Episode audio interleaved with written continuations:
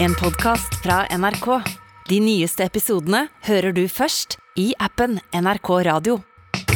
Utakt er med godt humør også på nyåret. Ja, og vi legger jo bak oss ei eh, romjul og ei jul som har vært eh, kolossalt dårlige når det gjelder antall fridager. Ja, det var vi innom i, i romjulsprogrammet. Jo, men i etterkant av romjulsprogrammet så fikk vi en melding fra Tom. Og han skriver det at eh, her i Skottland så har vi fri 27. og 28. desember for helligdager som kommer i helg, og de gjelder ikke. Nei, det, det ble litt vrient. Skal vi begynne med å bare beskrive situasjonen sånn som den var hos oss i år? Julaften og nyttårsaften på en fredag, Ja. første juledag, første nyttårsdag på en lørdag. Ja. Da har du jo fri uansett, for det er jo en lørdag. Og andre juledag på søndag, så du også da har fri uansett, ja. Ja, og da er det jo bare å karre seg på jobb eh, tredje dag, og så er det liksom ei hel uke til du kan ha fri. Det er, sant, det er jo dårlig. Ja, Men hva, hva var det de hadde gjort i Skottland, sa du? Altså, der har du fri eh, 27. og 28. desember, altså mandagen og tirsdagen da ute i uka der. Og og Tom skriver jo her i Skottland, så da vil vi jo anta at Tom bor i Skottland. Hvis ikke vil det være kolossalt dumt å være på ferie i Skottland, og så forholde seg til fridagspolitikken der borte. Ja, helt meningsløst. Men når du sier at de har fri 27. og 28. fast? Nei, Nei? bare i år. Jeg måtte sette meg grundig inn i dette, Per Øystein. Altså, du vet hvordan jeg er når jeg begynner å grave. Da, da er det Når, når fotografen begynner å grave, Ja, da er det ikke grenser. nei. Det som er, og her må britiske myndigheter ha all honnør, og faktisk litt til. De har jo da eh, funnet ut det at hvis det er sånn første andre juledag på en dag du allerede har fri, så skal jo ikke det gå ut over de som går glipp av fridager. Nei vel? Nei, de skal da få disse dagene. Så dermed så får du noe som heter for eksempel Ja. Christmas Day in lieu. In? In lieu. Lieu? Noe sånn. Eh, oversatt istedenfor. Altså første juledag istedenfor. Det betyr at eh, når du da ikke har fri første juledag fordi det er en lørdag, ja, du har jo fri første juledag, eh, så får du første juledag da på mandagen. Å ja, som, som erstatning på en måte. Du får første juledag på tredje juledag, og så får du andre juledag på fjerde juledag på tirsdagen. Ljø? Njø. Og det er jo en kolossalt bra ordning, for det betyr jo det at mens vi har hatt kanskje en av de stussligste romjulene på lenge, sånn fridagsmessig, så har engelskmennene og skottene og sånn, de har hatt den beste. Ja, for de får de to ekstraene i tillegg til helga. Hva, hva, hva skjer på nyttårsrunden da, uka etterpå? Ja, Da får de eh, fri eh, Altså, andre nyttårsdag faller jo på en søndag, så da kan de jo ikke ha første nyttårsdag på en søndag som er andre nyttårsdag, fordi at det er jo òg en fridag, så dermed så får de første nyttårsdag på mandagen. Siden han kom på en lørdag som ikke gjelder. Ja. Ljø. Ja. Så, så, så det, er jo, det er jo kolossalt bra. Men hvem er det som betaler for dette? Ja, Det det der ble et, ble et litt tåpelig spørsmål, syns jeg.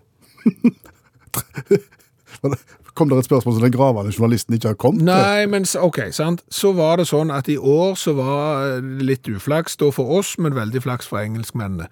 Men det er jo ikke ofte at det skjer eh, sånn som dette. Og vi har jo fri første andre juledag når første andre juledag er på en mandag og en tirsdag. Hvem betaler for det da?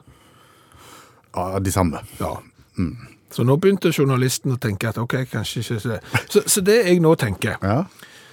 Her er det en del politiske partier, faktisk alle, så godt, jeg, jeg, alle. Altså de som sitter i regjering nå, de har hatt en, en litt bratt start på sin regjeringskarriere. De burde jo omfavne dette britiske systemet for endelig å få en populistisk gladsak. Ja, ja. Og de som ikke er i posisjon, de må jo i hvert fall hive seg rundt og, og foreslå dette, sånn at de eventuelt kan gå til valg på det neste gang. Og, og de som er i regjeringen nå har makt, Ja. de kan jo få til dette allerede neste år. Ja, for neste år så faller julaften på en lørdag. Det betyr at første juledag er på en søndag. Den mister vi da. Mens andre juledag er på en mandag. Får, får vi den første juledag på tirsdagen Ja, det er derfor jeg sier, så sier du sånn, og da er første juledag på en søndag, den mister vi. Nei, den mister vi ikke. Den får vi da på tirsdagen. Ljø. Innljø. Så dette er bare å gripe med begge hender og håpe alle politiske partier nå hiver seg rundt.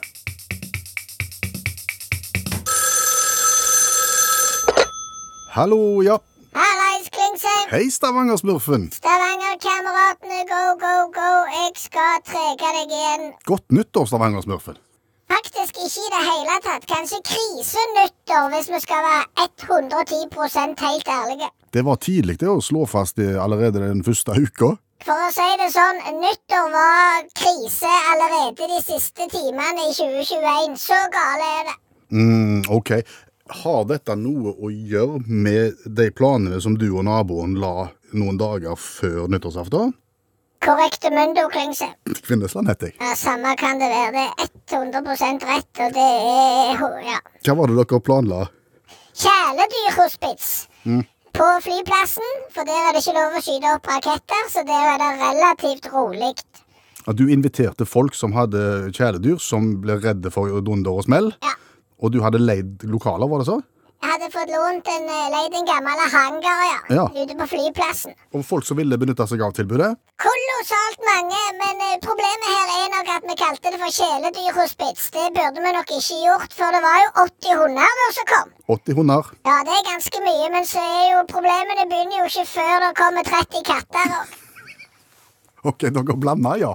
ja, Ja. det var litt lite gjennomtenkt, for å si det fint. Mm.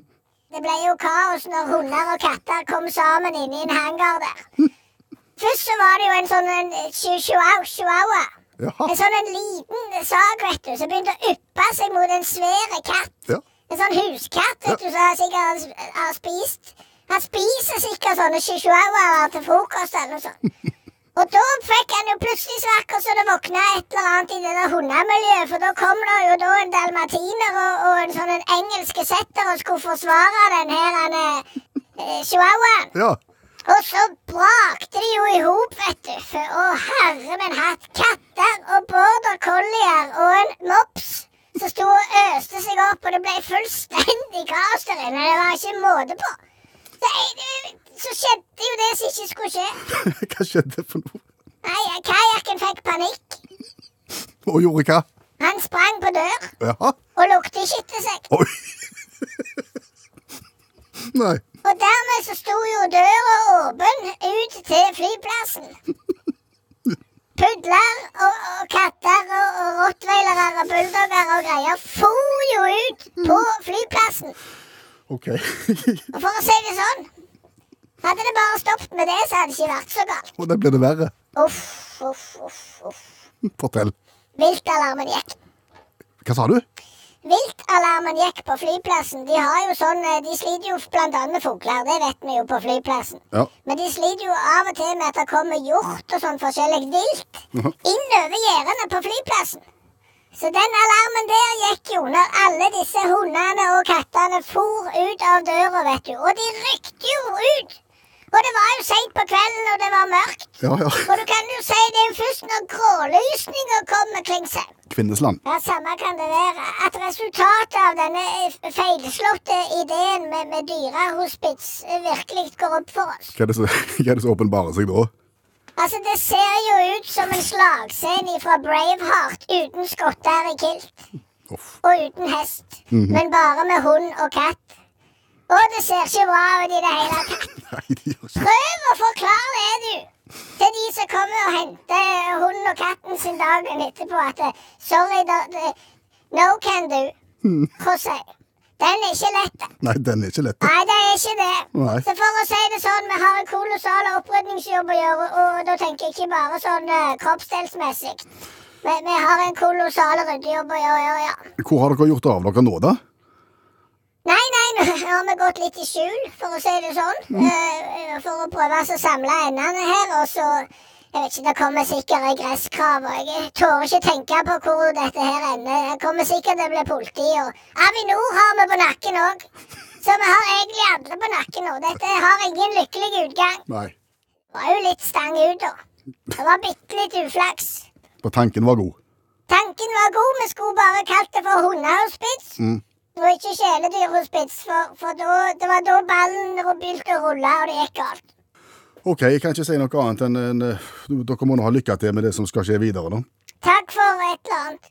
Håper du får et godt nyttår, i hvert fall. Ja, og vi får satse på det. OK. Ja, fint det. Ha det.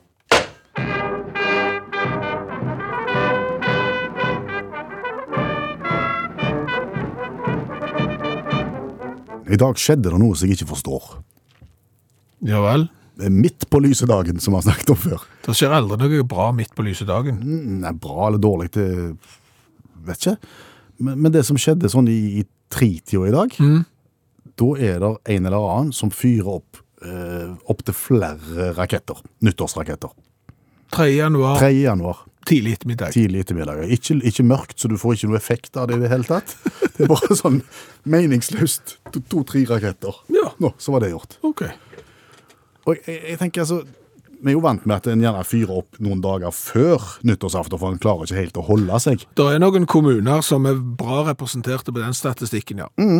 Så, og, så det forstår vi, at du klarer ikke helt å, å dy deg.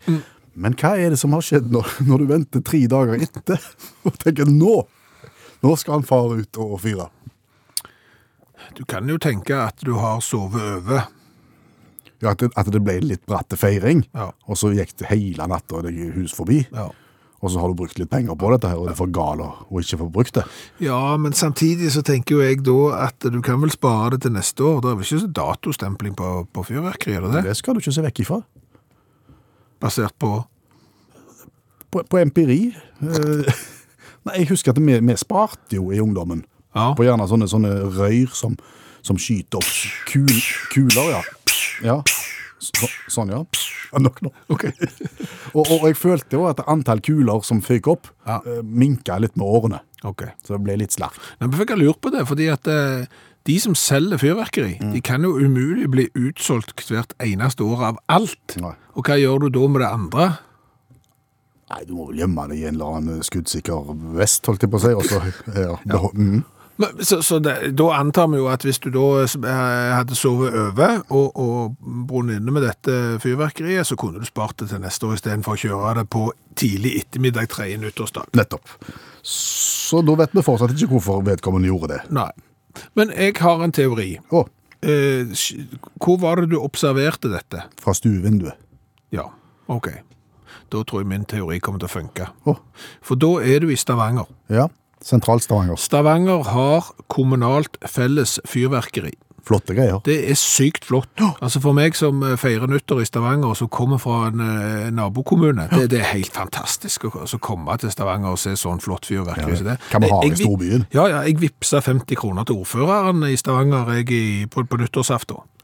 Jeg har ikke fått svar, jeg har ikke fått sånn takk eller noe sånt. Er det sant? Ja, jeg skrev eh, 'Tusen takk for flott fyrverkeri', hilsen eh, Gjesdalbu. Nettopp. Ja, så det gjorde jeg. Og, og dermed så tror jeg at hvis du da har vært og kjøpt deg en sånn liten familiepakke med fyrverkeri, Ja. så er det så flaut å fyre opp sånn når det er et vell av flotte raketter på hele himmelen, og så kommer du med noe sånn Så du mener han far bare har pakket sammen Ja. og, og gitt opp? Ja, vet du hva, dette, dette er så flaut at jeg orker ikke. Og dermed så er det tryggest å få fyrt det av midt på lysedagen, så det er nesten ingen som ser det. Det, det tror jeg er det som har Du, skjedd. du tror ikke han har samla ungene på, en på en måte på, i tritida i lag og sagt nå skal far fyre? Nei, jeg tror han venter til de vet at de er på skolefritidsordning og ikke legger merke til det hele. At jeg bare får vekk dette her, får vekk bevismaterialet, for dette er så pinlig. OK, da har vi skjønt det. For felles fyrverkeri, altså. Det, det har jeg fått uh, smaken på. Ja, ja. Og, og med mindre du bor på en gård uh, mutters alene, da skal du få lov til å kjøpe ditt eget uh, batteri. Eh, men, men bor du på et større tettsted, dere må gå sammen. Ja, ja. Altså Når jeg kan vippse 50 kroner til ordføreren, så, så kunne jeg, vi kunne vippse eh, felles der jeg bor òg. En, en hundrings til kommunen for alle som bor der. Du får jo et formidabelt fyrverkeri. Ja, men da hadde jo folk begynt. 100 kroner ekstra, ja. Skal vi begynne med enda mer Hadde de brukt sånn rar stemme, tror du? Eh, kanskje. Jeg tror folk når de er sure, så begynner de med sånn rar stemme. 100 kroner ekstra er ikke nok at en betaler inn eh, sånn skatt òg. Skal ikke holde til det heller. Og så går de, og så kjøper de for 8500 kroner i sånn annenrangs fyrverkeri istedenfor. Nei. Er det på grensen til brannfakkel på fyrverkeribrannfakkel? Veldig godt kommet på.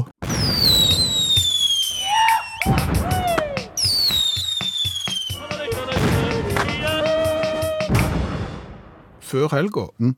så prøvde jeg også å få tak i fotobonden. Han som vi kunne se på TV i kveld. Ja, han som eh, har vært på TV i kveld, sesong to av eh, Fotobonden, så hadde jeg lyst til å gjøre en avtale om et intervju i radioen. Ja.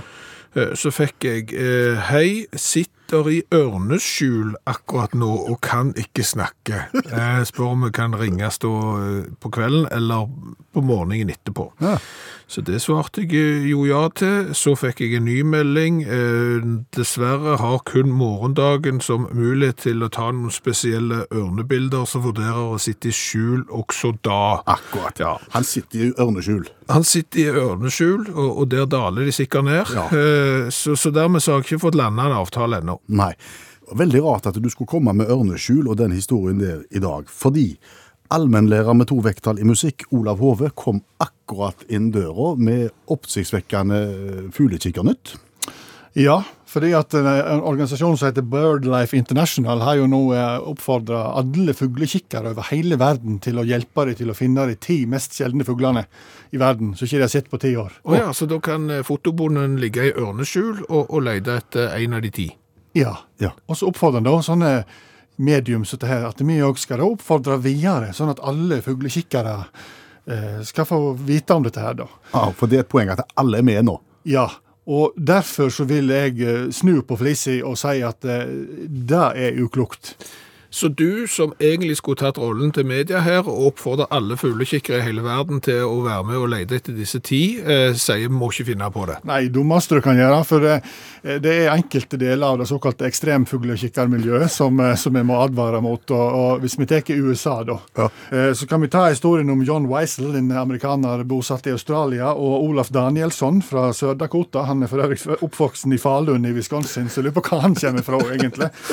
Men, De hadde for noen år tilbake såkalt big year. og Det betyr at du skal se mest mulig fugleraser- fuglearter i løpet av ett år.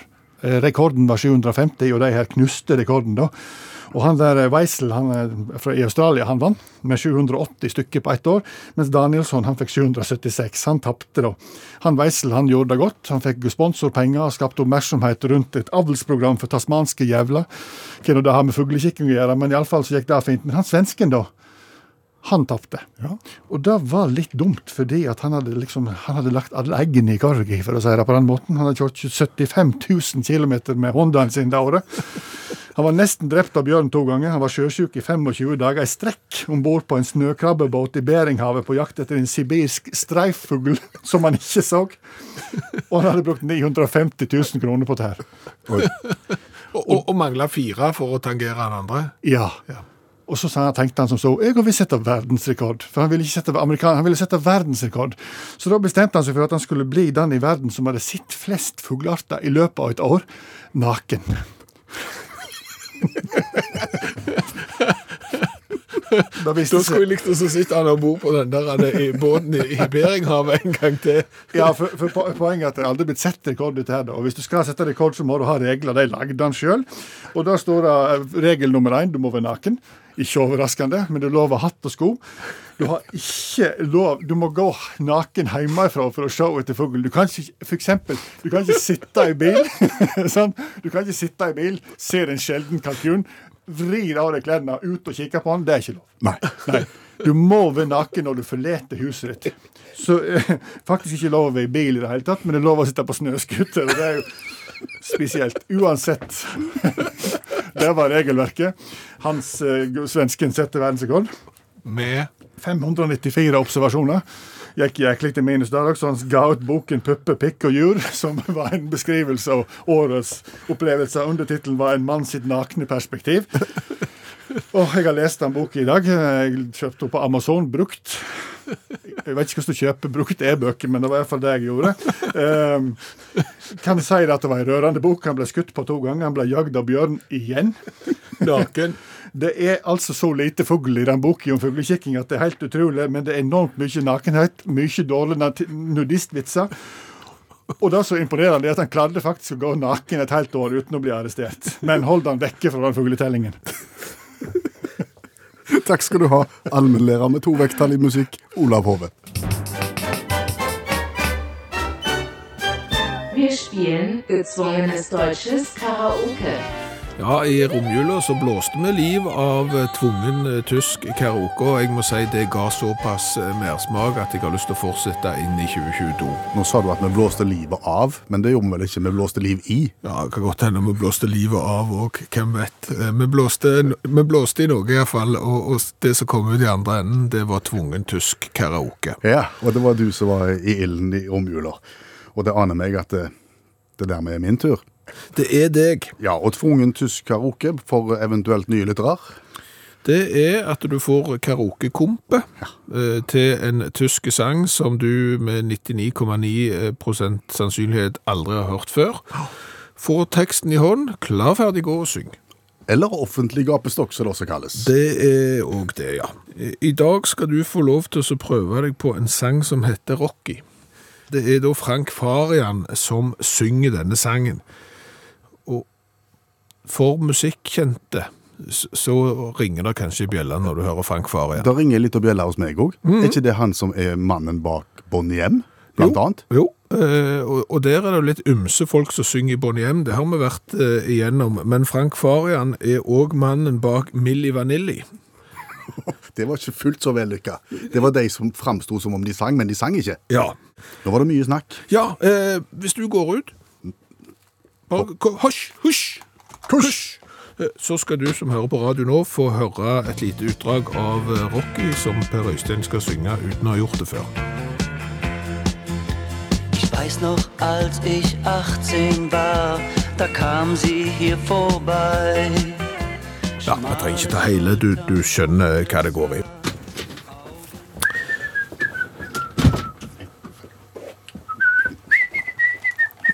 Jeg får, jeg får sånne bokseassosiasjoner når du sier Rocky, så jeg håper det er litt sånn bokseaktig. Det er overhodet ikke bokseaktig i det hele tatt. Litt klang, vær så god. Hei, hei, hei, hei, hei. La, la, la, la. Da er det ikke noe annet å si enn Nei, jeg må få arket, jeg må Ja, få ja. teksten. OK, unnskyld. Unnskyld. Uh, vi sier uh, klar, ferdig, syng.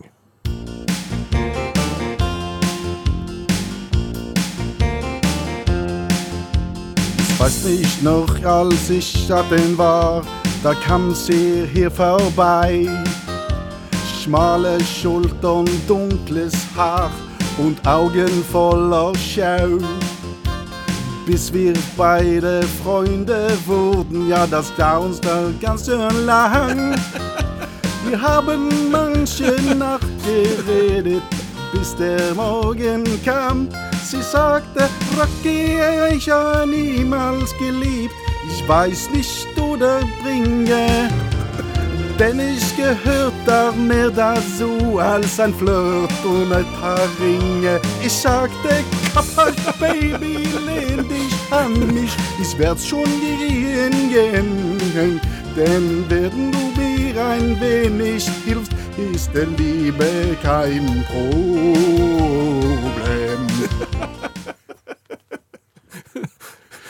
Ja, du, du kom jo sånn måtelig ut på eh, der som sangen slutta. Ja, det pleier jo å være et godt tegn. Og det andre som kanskje er et godt tegn, er at selve sjangeren her, litt sånn dansbandaktig, eh, har jo ikke så mange melodifraseringer, sånn at det, sånn sett så var det kanskje ikke så galt. Nei, Har du lyst til å høre originalen? ikke spesielt, men jeg må. ok. Ich weiß noch, als ich 18 war, da kam er jo sie helt hier inne. vorbei. Ja.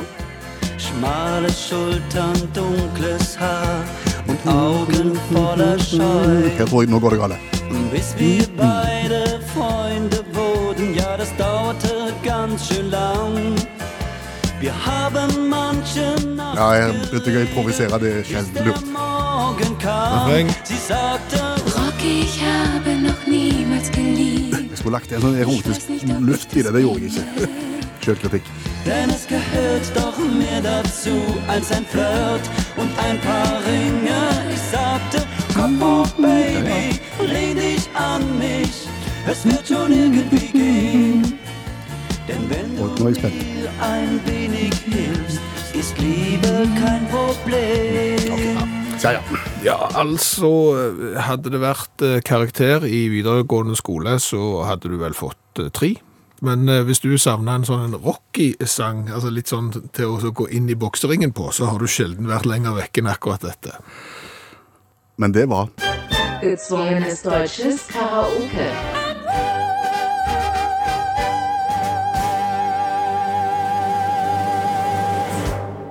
Jeg har fått meg robotstøvsuger. igjen. Igjen, ja. Ja, Ja, for det var du tidlig. det var jeg altfor tidlig, faktisk.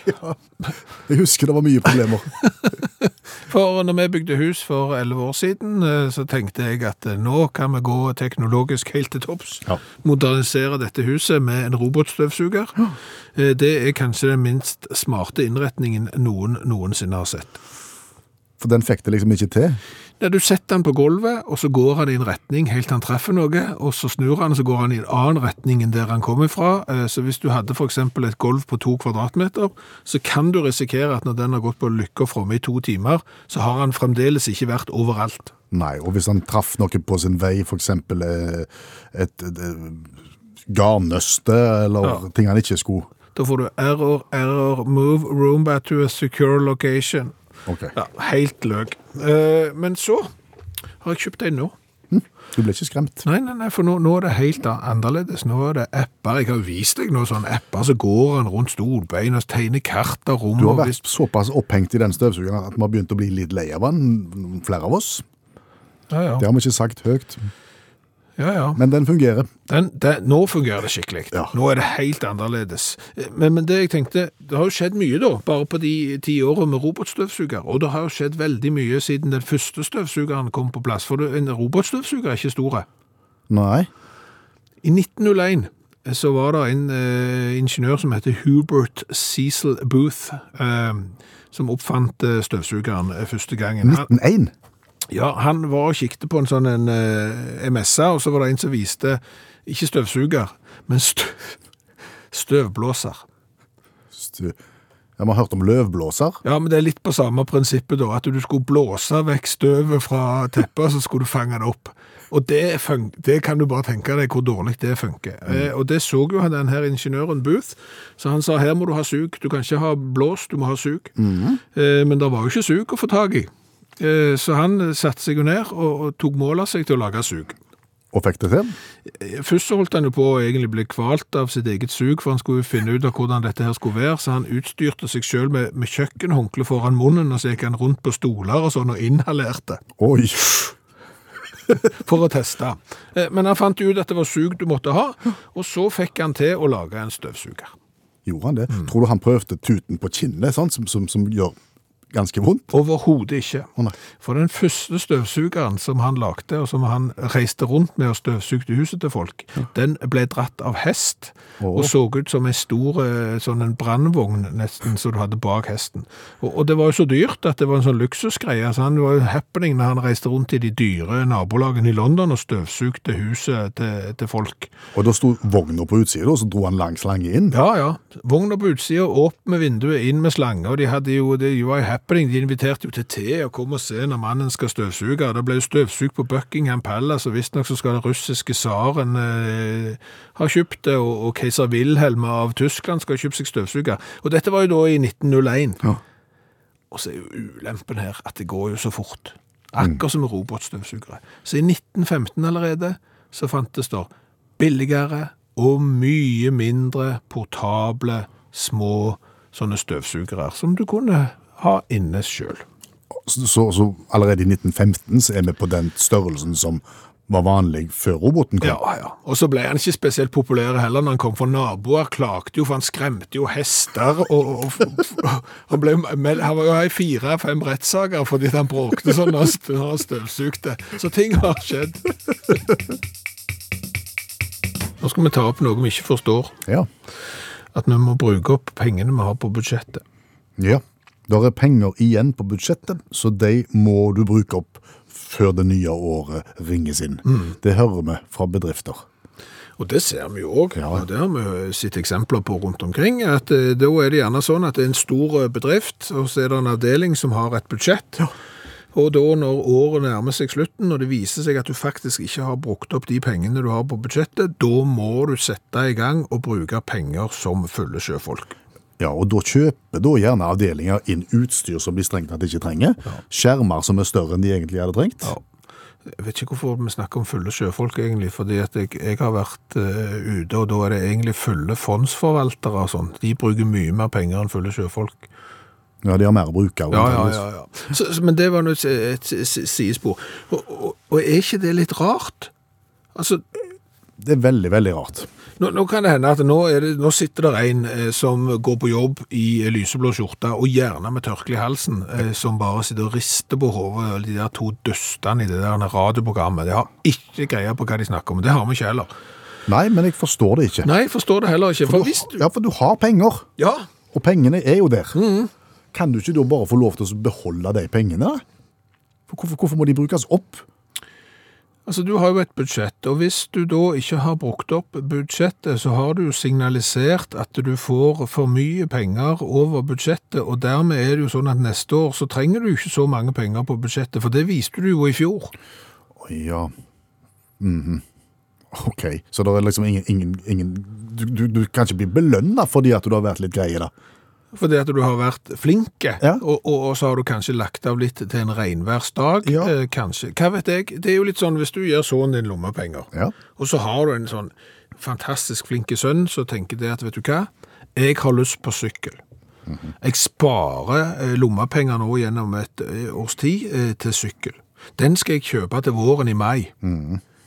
Da vil det jo være sånn at du er jo nødt til å kjøpe denne sykkelen i desember, for du kan jo ikke ta med deg de pengene du har hatt i, i løpet av året over til mai, for da viser jo du at du får for mye lommepenger. Ja, men du har jo ikke råd til sykkelen i desember. Jo, du har råd til en sykkel, men ikke den du egentlig hadde lyst på, for da burde du spart i de månedene frem til mai. Så, så, og så er jo problemet òg at det går ikke an å kjøpe sykkel i desember. Har du prøvd på det? Det er jo ikke sesong. Nei. Så du får jo noe rask som ingen ville ha, så det blir liggende over. Det er merkelige fenomen, dette greiene. Det hadde vært greit å få det forklart. Nei, ikke si det. Nei, for da det, Da får du sånn blårussvar som vi ikke skjønner likevel. Så det, jeg, jeg tror det er bedre å leve i den villfarelsen om at vi har fått Det er mye bedre at vi bare har det sånn som vi har det. For da kan vi være prinsipielt imot, for vi skjønner det ikke likevel. Nei, men det er rart. Og jeg mener, hva, hva signalet er det du sender? Hvis du skal tenke at, at sparing og, og lønnsomhet og nø- nøysomhet blant den oppvoksende generasjon, eksempel, sette av litt av lommepengene, bruker ikke opp alt, skal du da, skal de da nulles ut? Fordi at du har gjort det? Nei, og hvis det er som jeg antar her nå, at det er en avdeling da som har et budsjett, eh, så, må det jo gagne hele bedriften hvis den avdelingen akkurat det året ikke trengte nøyaktig alle pengene sine. Det året, det må jo gagne resten av bedriften, tenker jeg. Nettopp. Nu vel. Nå er jeg litt spent. Ja, vi skal smake på baskisk cola som vi har fått fra bussjåføren på Sele. Ja. øh, en cola med rike tradisjoner. Ja, altså først la oss nå ta, altså denne colaen heter Aus Cola Original, eh, og det kommer av at eh, Baskerland på baskernes eget språk er Auskal Herja. Og dermed så heter denne colaen her Auskal Herrico Cola. Si. Si. Jeg tror ikke det, det må ikke si det, for Baskaland er jo den, eh, de har jo lyst til å være helt for seg selv, autonom eh, region Baskaland, nordlige Spania, over på grensen til Frankrike òg, i sørvest. Tror du ikke de sier si når de mener ja? Kan ikke baskisk. Nei. Nei. Behersker ikke det. Men vi sier si, du. Tror du basketak, kommer det derfra, tro? At hvis, hvis to baskere slåss, er det et basketak? Det kan du ikke se vekk ifra, for de har jo vist seg fyr, før at det går an å sette fyr på de. Altså, de har jo meint litt Og sterkt. og voldsomt, ja. Men det, nå skal vi over til denne colaen her. Eh, fordi at hvis du da trodde at eh, cola var eh, noe som oppstod i USA på slutten av 1800-tallet, så tar du feil ifølge baskerne. For, for lenge, lenge siden så hadde du Bassajaun, skogens herre. I baskisk mytologi så er Bassajaun en enormt hårete skapning eh, som bodde i skogen, eh, beskytta flokker med husdyr og lærte menneskene ferdigheter som jordbruk og jernbearbeiding. Nettopp. Han skal da ha oppfunnet denne drikken og overført oppskriften til baskerne. Og dette er da en tusen år gammel drikk som gir styrke og mot, og hvis hemmelighet er stolt bevart. Nettopp. Ble du klokere av dette? Ikke så voldsomt, e egentlig. Men han er allsidig kar, han Bassian. Ja, ja, altså lærer vekk jordbruk, jernbearbeiding og colaoppskrifter. Det, og I tillegg så er han sterkt behåret. Så, så her er det eh, ting. Og så har han jo vært utvikla videre, den her. Og så er det jo sånn en håndverkscola. Mm. Det vil jo si at det er bare naturlige smaker. Og eh, ikke noe tilsetningsstoffer osv. osv. Nå skulle vi gjerne sett for oss at det var en liten krabat med en litt stilig etikett, men den gang ei. Det er en stor halvannen liter plast. Én liter. En liter, ja. Mm. Med litt stilig etikett. Rødt og svart. Ja. Colafarge. Og kullsyra har ikke forsvunnet på veien fra Baskaland. Nei, eh, denne colaen ble første gang produsert i 2015. Altså ikke den vi har her, da, men selve Basker-colaen. Sa, sa ikke du at de hadde holdt på i 1000 år? Jo, jo. Men, men det var Bassayaoen. Og så eh, har, det har sikkert den oppskriften som han hadde lagt for 1000 år siden, bare ligget brakk fram til 2015. Mm, sånn, ja. Sånn tolker jeg det iallfall. Lukter greit. Luk Lukter cola. ja.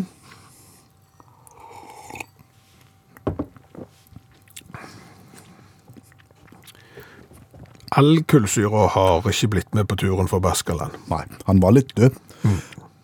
Men dette er godt. Dette er, altså for å si det sånn, til å være en hårete skapning, så har han hatt greie på sin cola. Han hadde sikkert satt seg hårete mål. Det er på grensen til alle tiders. Her, her må vi ganske høyt opp i smaksskalaen, altså. Det er, altså, Ti er jo topp, ikke sant? Ja. Her vil jeg være villig til å gi enten åtte eller ni, faktisk, i Men da må du bestemme deg. Ja, jeg sier faktisk ni. Ni. Den var kjempegod. Jeg er enig, men det er jo litt synd at du må liksom innbille deg at det er kullsyre her. Det er ikke jeg så god til. Inn- Innbilt kullsyre. Syv. Ok. Så var det design. Jeg skulle gjerne hatt den i en liten boks. Så han, s- Jeg tror han finnes i 0,33 og i 1 liter og 3.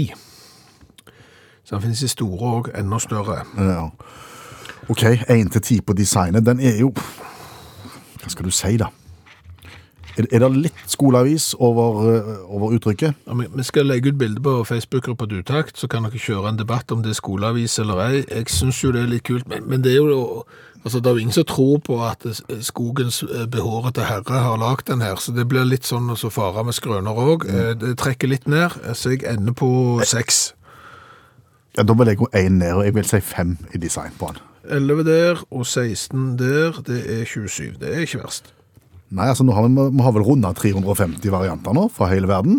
Øyeblikk på 350, ja. Ja. Så dette er jo Baskisk cola helt i teten. Ja, vi har 33-34 poeng, ser rekorden, tror jeg. Nettopp. Ta et bilde av han, legg han ut i Facebook-gruppa og kjør debatt.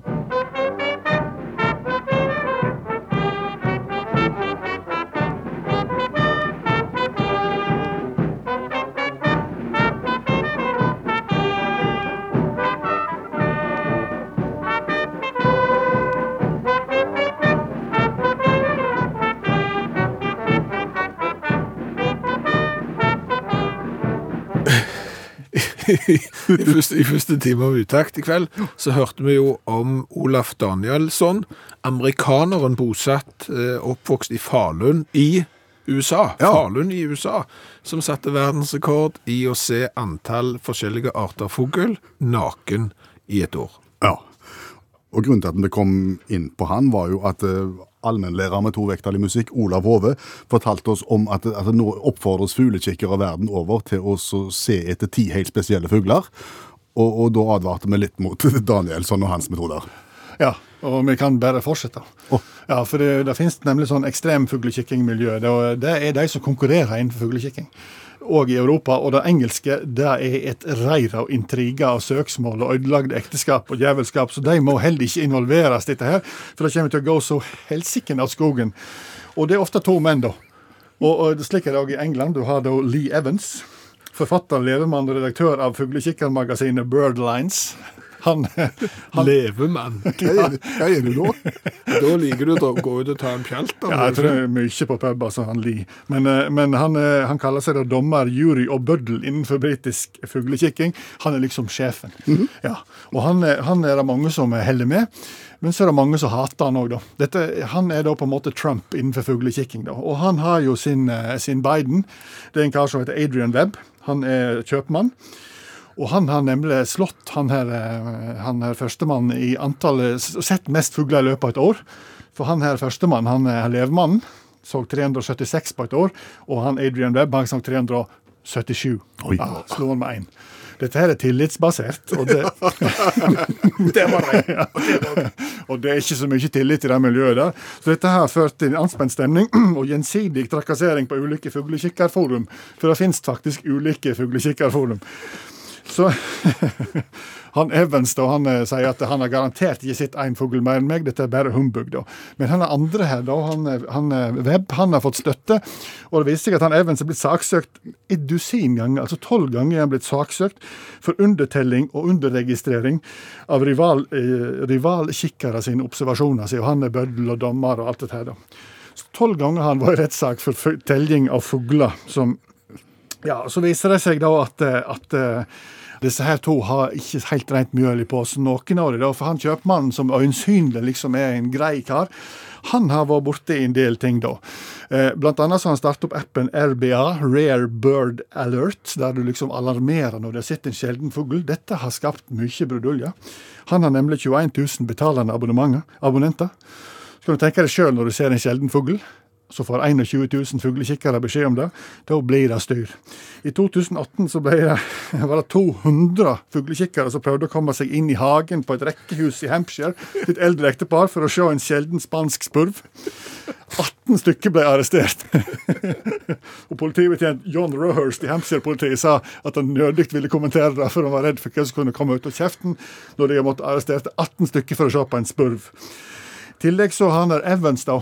Han chartra en gang et sjøfly eh, til Ytre Hybridene for å se på en alke. Men når han kom fram og skulle ta sjøflyet, så var det en mann som eh, ligna på Webb, som hadde bestukket piloten og stukket ut sjøl og fått sett alken først. da. Stakkars Evans, da, som var gift for femte gang. Han er jo levemann. Han er levemann, men så har han alltid oppført seg fint til konene sine, men de har ikke likt hans fugleinteressen. Man sier uansett at eh, både kvinnfolk og fuglekikkere er ute til å vingeklippe han. Og han tenker og veit at han kommer til å vinne maktkampen og bli både patriark og ledestjerne for de britiske fuglekikkerne. Men å bruke han til internasjonale oppdrag? Nei. Amen. Takk for den advarselen. Allmennlærer med to vekttall i musikk, Olav Hove. Nå kommer det et litt vanskelig eh, spørsmål, så du, du må ikke svare uten å ha tenkt deg om, sånn at du, du er sikker. Sant? Mhm, ok. Når du er ute og handler pizza, og kjøper pizza for å ta med deg hjem, altså takeaway pizza, Ja. hva form har den? Ikke, ikke svar nå uten, vær sikker nå når du ja, hvis du tenker på, på selve eska som jeg får med meg, så er den firkanta. Ja, nei, det er ikke den jeg tenker på. Jeg tenker på pizzaen. Selve sin. pizzaen, ja. Den er rund Den er rund, ja. inni det, ja. Og så er den gjerne skåret opp i åtte stykker, eller hva det er. Ja, så han ligger i en firkantet eske, er rund og gjerne skåret opp i noe som ligner litt på trekanter. Ja. Men, men når du lager, du må ikke svare nå uten at du har tenkt deg om skikkelig. Nei, nei, det. Eh, Når du lager da pizza hjemme, Mhm. hva fasong har den? Mye firkant. Mye firkant, ja. Ja. Den har form eh, som steikebrettet som går inn i stekeovnen. Som en langpanne, ja. Ja. Hos oss òg. Ja. Har du kjøpt uh, takeaway-pizza som er firkanta noen gang? Ja, Nå må jeg tenke meg nøye om, ikke sant? Ja, ja. Jeg kan ikke bare svare nå. Nei, nei, nei bare tenk deg nå. Bare tenk, ikke, ikke, ikke plump uti med det hvis det ikke er vel fundert. Jeg svarer nei, men, Nei. men jeg vil jo tro det fins. Du vil, nå er du der igjen. Ja. Nå, er du skråsikker på ting som du ikke har greie på. Du har ikke kjøpt eh, ferdig pizza, takeaway-pizza, som er firkanta noen gang. Nei. Men når du lager hjemme, så er den firkanta. Og det er akkurat som det der hjemmemarkedet der. Der er det akseptabelt med firkanta pizza, men på eh, pizzarestauranter og på takeaway-markedet så er det ikke akseptert. Fordi at hvis du går inn i en butikk Ja. Og tenker at jeg skulle lage mye pizza hjemme i helga, men jeg gidder egentlig ikke lage den helt ifra bånn, så jeg tror jeg kjøper sånn ferdig deig, ja. så finner du firkanta deig. Ok, ja. ja. ja. Men de vet jo hva vi pleier å lage hjemme, da. Ja, men hvorfor det? Og går du og skal kjøpe en Fossen-pizza, Rund, rund, rund, rund, rund, rund, rund, rund, og så er det en firkanta forresten. Så jeg vet om en sånn familiepizza. Men da er han plutselig familiepizza, da er han firkanta. Og jeg kunne jo tenkt meg at når jeg først var ute og kjøpte pizza, så kunne de jo fulgt hele eska, Ja, den, den ja. firkanta. Det er ganske mye volum der, for er, det. der er det. Ja, ja. Ja, ja, ja. Nå klarer ikke jeg sånn pi r i annen eh, og, det der i hodet, men, men i forhold til, til diameteren på, på, på pizzaen og forhold til radien, nei, det heter ikke det. Det heter kadetten. Hypotenusen. Ja, det der. Skal, ja, areal, de to sidene Ja. ganger hverandre. Ja, men det er litt der. Ja, det er masse å hente. Ja, og er ikke det litt spesielt at eh, pizza fremstilt av eh, profesjonelle, den skal være eh, rund. Ja. Pizza lagt hjemme av amatører, den kan godt være firkanta. Aktualiserer dette debatten som vi reiste for et par år siden med, med kvadratmeterpris på pizza? Absolutt 100 Altså for, for, Hvis du ikke har hørt teorien Det er ikke en teori engang, det er fakta. Ja. Altså Når du går og kjøper en pizza, så har du lyst til å vite hvilken størrelse gir meg mest areal for pengene. Ja, for det er gjerne i liksom, bitte små porsjonsvarianter, og så har du den mediumen, og så har du den store familievarianten. Og så tenker du sikkert den minste gir minst eh, volum, areal for pengene, og den store gir mest, men vi har jo testa dette, og det er jo ikke sant. Den store gir som oftest mest areal for pengene, men den minste kommer på en god andreplass. Ja, det er den der mellomsten Ja. som er det dårligste kjøpet vanligvis. Og alltid så går du i butikken, og så ser du på literpris eller kilopris på et produkt, og så gjør du deg opp en mening om hvilken skinke du skal kjøpe ut ifra kiloprisen. Ja. Kjøper du pizza, så har du ingen forhold til det, Nei. for det står 400 gram, 350 gram, hvor mye er arealet? Hadde det stått så så mye kosta den per kvadratcentimeter, Ja. så hadde du visst det. Ja. Og da hadde du skjønt at eh, firkanten gir mer enn vil- enn. Absolutt, og jeg vil bare eh, oppfordre alle sånne pizzarestauranter som har store firkante esker, fyll den med pizza helt ut til kant og hjørne. Da kommer vi. Ja til kvadratmeterpris på pizza. Ja til kvadratmeterpris på pizza. Ja til kvadratmeterpris på pizza. Karl Kristian har eh, spurt oss eh, hva er det særeste og det som på en måte er lengst vekk fra cola som vi har testa i eh, colatesten. Altså det som liksom Det skal være cola, men det er jo ikke det. Altså Vi har jo testa Inca-cola fra Peru, det har Karl Kristian òg gjort, og, og det smaker jo ikke cola i det hele tatt, og i tillegg sånn er den gul. Det smaker fruktbrus. Ja, og så er det mye cola vi har smakt opp igjennom som smaker gløgg. Ja. Eh, Det første som slår meg når det er hva som er lengst vekke, det er den der forferdelige varianten vi fikk fra Sør-Korea. Ja, fermentert eh, cola. Base- Ja, med byggryn i, eller et eller annet? Ja, jeg tror det var det. Og så har vi smakt, smakt en til som var gjæra. Eh, det, det var med, den var gjæra da med sånn eh, kefir. Altså kefir-cola. Ja. Kefir-melk, kefir ikke cola. Dårlige. Eh, og, og, og så har du da surøls-cola Ja, den var helt fra Sverige. Den var ikke drikkende, den heller. Det er jo et sånn Ok, det er jo kjekt å ha gjort det, men, men jeg tenker du kan jo ikke lage et produkt utelukkende på at folk skal drikke den én gang og si at den smakte ikke godt, men det var greit å ha gjort det. Nei. Da kommer det ikke så mange kunder igjen. Nei. Så hvem som eh, orker å drikke dette her, det skjønner ikke jeg. Nei. Du, eh, når vi først er inne på eh, ting, eh, kan vi minne om at det er kommet ut episode 21 I, i Lue for hår-serien. Ja, jeg synes det er egentlig rart at ingen kommersielle TV-kanaler har ringt til oss og spurt om å få kjøpe konseptet lue for hår.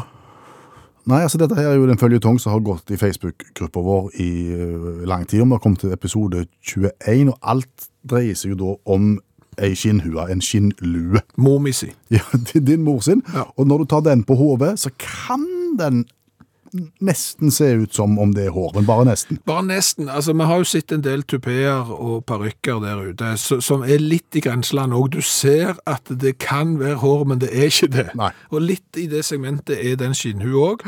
Og klarer du da å kamuflere at det er skinnhua med å ta på ei annen hue, det har vi prøvd nå 21 ganger, ja. og ennå er vi ikke kommet i, i mål, eh, men vi kan jo anbefale Har du lite å se på Netflix, så anbefaler vi 21 episoder av Lue for hår. Ja. Det er jo mange eksempler i verdenshistorien på at Norge har vært funnet opp, lagt til én ting, men blitt brukt til noe helt annet. Eksempel Altså de der blå tablettene fra Pfizer, for eksempel, men det kommer fra Pfizer, så du vet ikke hva som er inni, så du må ikke ta de. Dårlig vits. Oi, oi, oi, oi. Men det er jo sånn at de var jo vel først hjertemedisin, og, og så var det jo bivirkninger der. Det var andre ting som fikk seg et løft. Ja, det, det var der. Eh, Så da ble jo det til det, og så var det vel sånn at snøkanonen, det var vel egentlig et eller annet som de prøvde å finne ut til, til noe de skulle teste i forbindelse med flyindustrien, og så klarte de å lage snø, og så ble det snøkanon. Så ting har jo skjedd. Men jeg lurer på om kruttet Var planlagt som krutt. Nei. Eller om det også er noe som har kommet Jeg tror kruttet kanskje tar verdensrekorden i å være lengst fra det det var tenkt som, til det det ble. OK. Hva, hva var kruttet tenkt som, da? Altså det første eh, skriftlige referansene til krutt, eh, de finner du i år eh, 142. Du er i Kina, da, Da jeg. er du i Kina, ja. Da er det jo eh, alkemister, alkemister som eh, driver og koker i hop ting. Hva er en alkymist? Det er sånn som skal eh, Egentlig så prøvde de jo å finne gull av all slags, eh, men, men det var jo på en måte da- datidens eh, kjemikere. Så de satte jo sammen stoff. Og de var jo da på jakt etter et stoff som kunne gi evig liv. Nettopp. Allerede da var de opptatt av det. Da var de opptatt av det, og de kokte jo i hop tre stoff eh, som fløy og dansa voldsomt når de satte fyr på det og sånn. Eh, Og det var jo da krutt. Oh. Så kruttet var mest sannsynlig eh, et forsøk på å lage seg noe som kunne skape evig liv. Ja, Var det noe du skulle inhalere for på en måte å Litt usikker på om du skulle røyke det, eller om du skulle blande. Altså, men, men poenget er vel det at det, når du da har lagt krutt, som kanskje har, har vært med på å ødelegge ganske mange menneskeliv, eh, og at det i utgangspunktet var meint som et produkt eh, som skulle gi deg evig liv, stort lenger fra stammen går det vel kanskje ikke an å falle, gjør det det? Det er et voldsomt paradoks. Ja, veldig paradoks. Jeg ble litt Jeg ble, jeg ble målbonde. Ble du, ble du grepen? Ja, ja, Ja, ja, ja, men tenk deg dette, dette kan du bruke på, i fest og basar, og, og kjøre denne lignelsen her. Hva har vi lært i kveld? Vi har lært at i Storbritannia så har de hatt ei kjekkere jul enn det vi har hatt. Ja, da tenker du på fridager. Ja, fordi at eh, i eh, Storbritannia så er det sånn at når første og andre juledag faller på en lørdag en søndag, sånn som det er gjort i år, eh, så er det sånn, jeg skal ikke gå, skal ikke gå utover oss. Så får de da første og andre juledag på tredje og fjerde juledag istedenfor. På mandag og tirsdag Ja, så da får de jo fire fridager der. Og som om ikke det var nok, i Skottland har de jo fri 2. januar òg. Og den falt jo på en søndag. Så da får du fri 1. januar, 2. januar, 3. januar og 4. januar. Dette er noe som eh, norske politikere bør se på. Dette skal vi følge opp. Dette, dette lover vi. Dette skal vi ta opp politisk. Altså Her må politikerne snu seg rundt. Eh, Så har vi jo eh, lært det at det går an å kikke på fugler på, på mange rare vis. Ja, du tenker på svensken nå. Jeg tenker på svensken, ja, eh, som eh, har verdensrekorden i å kikke på fugl naken. Olaf Danielsson eh, fra USA, eh, født i Falun i USA. Han har verdensrekorden i nakenkikking på fugl. Ja, Han prøvde jo å kikke konvensjonelt først, men da vant han ikke, så derfor så lagde han seg en egen kategori som han antageligvis er den eneste som konkurrerer i. Jo, men han klarte å se over 560 forskjellige arter naken i løpet av et år. Han kunne ikke kjøre til stedene naken og se de eh, fuglene, men han kunne ta snøskuter naken og se. Det var lov ifølge regelverket. Ja. Så har vi lært at det har jo skjedd en rivende utvikling på støvsugerfronten. Ja, fra kjempegedigen til medium til robot. Ja, nå er det jo roboter som kartlegger rommet og går der du vil de skal gå. I 1901 så var det en britte som fant opp den første støvsugeren. Den var så stor at den måtte trekkes med hest, og slangen ble tatt inn gjennom eh, vinduet til den eh, rommet og den etasjen som du da skulle eh, støvsuge. Og det var en happening. De inviterte jo folk for å komme og se på når du hadde besøk av han som skulle støvsuge. Så er det noe vi ikke har lært. Og det er? Det er hvorfor du må bruke opp pengene på budsjettet før neste år. Ja. Hvorfor kan du ikke bare ta de med deg til neste år? Ja, Det har vi ikke skjønt. Så har vi lært at det er faktisk de som selger firkanta pizza. Vi har jo etterlyst det. Firkanta pizza føler vi vi lager hjemme, men aldri får kjøpt ute. Vi har fått sågar en lenke fra noen som eh, selger pizza i meter. Oi sann. En eh, halvmeter pizza det tilsvarer ca. en 40 cm runde pizza, mens eh, 0,25 meter med pizza er som en vanlig porsjonspizza. Kjøp gjerne en meter. Og så har jeg fått en lenke fra noen i Chicago som Oi, sånn. selger så store pizzaer at det var en som fikk eh, tok restene med seg hjem etter å ha bestilt en small og hadde middag i to dager. Det som er oppsiktsvekkende her, det er at denne bedriften har da shipping. Altså de shipper frossen pizza overalt. Jeg lurer på, skulle vi ha prøvd det? Ja, Altså det, importert frossenpizza skal fra, Chi- fra Chicago. det skal vi gjøre. Absolutt. En podkast fra NRK. De nyeste episodene hører du først i appen NRK Radio.